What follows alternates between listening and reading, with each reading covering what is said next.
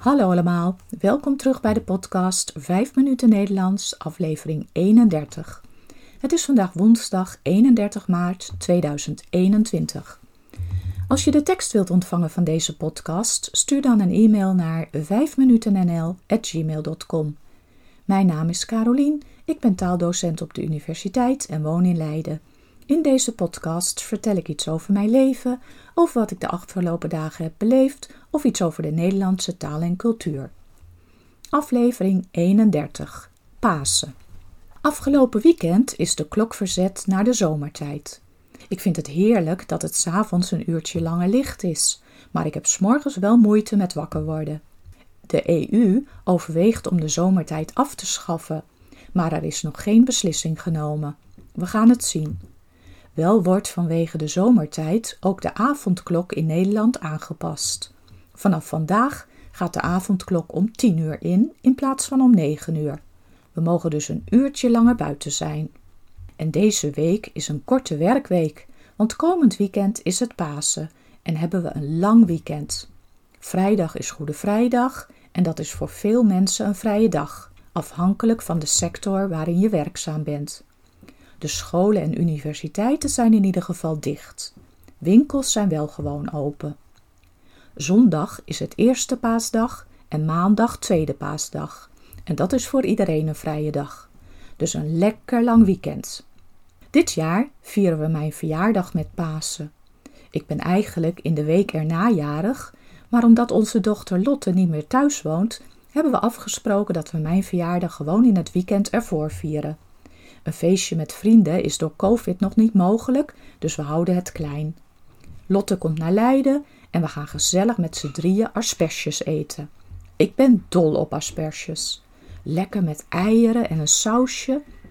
Witte asperges zijn maar een korte periode van het jaar verkrijgbaar, dus als ze er zijn, zet ik ze graag op het menu.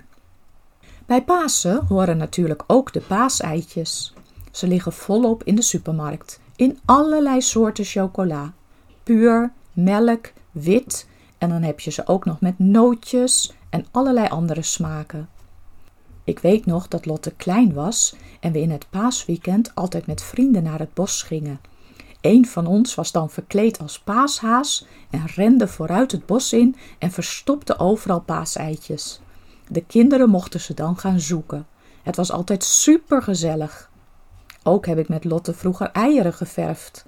We gingen ze dan eerst koken en als ze afgekoeld waren, mocht Lotte ze in allerlei kleuren verven. En bij het paasontbijt werden ze dan opgegeten. Ze is nu 24, dus dat doen we maar niet meer. Vanmorgen was ik op de markt om bloemen te kopen. Je kent vast wel die bloemenkramen met heel veel mooie bloemen in prachtige kleuren.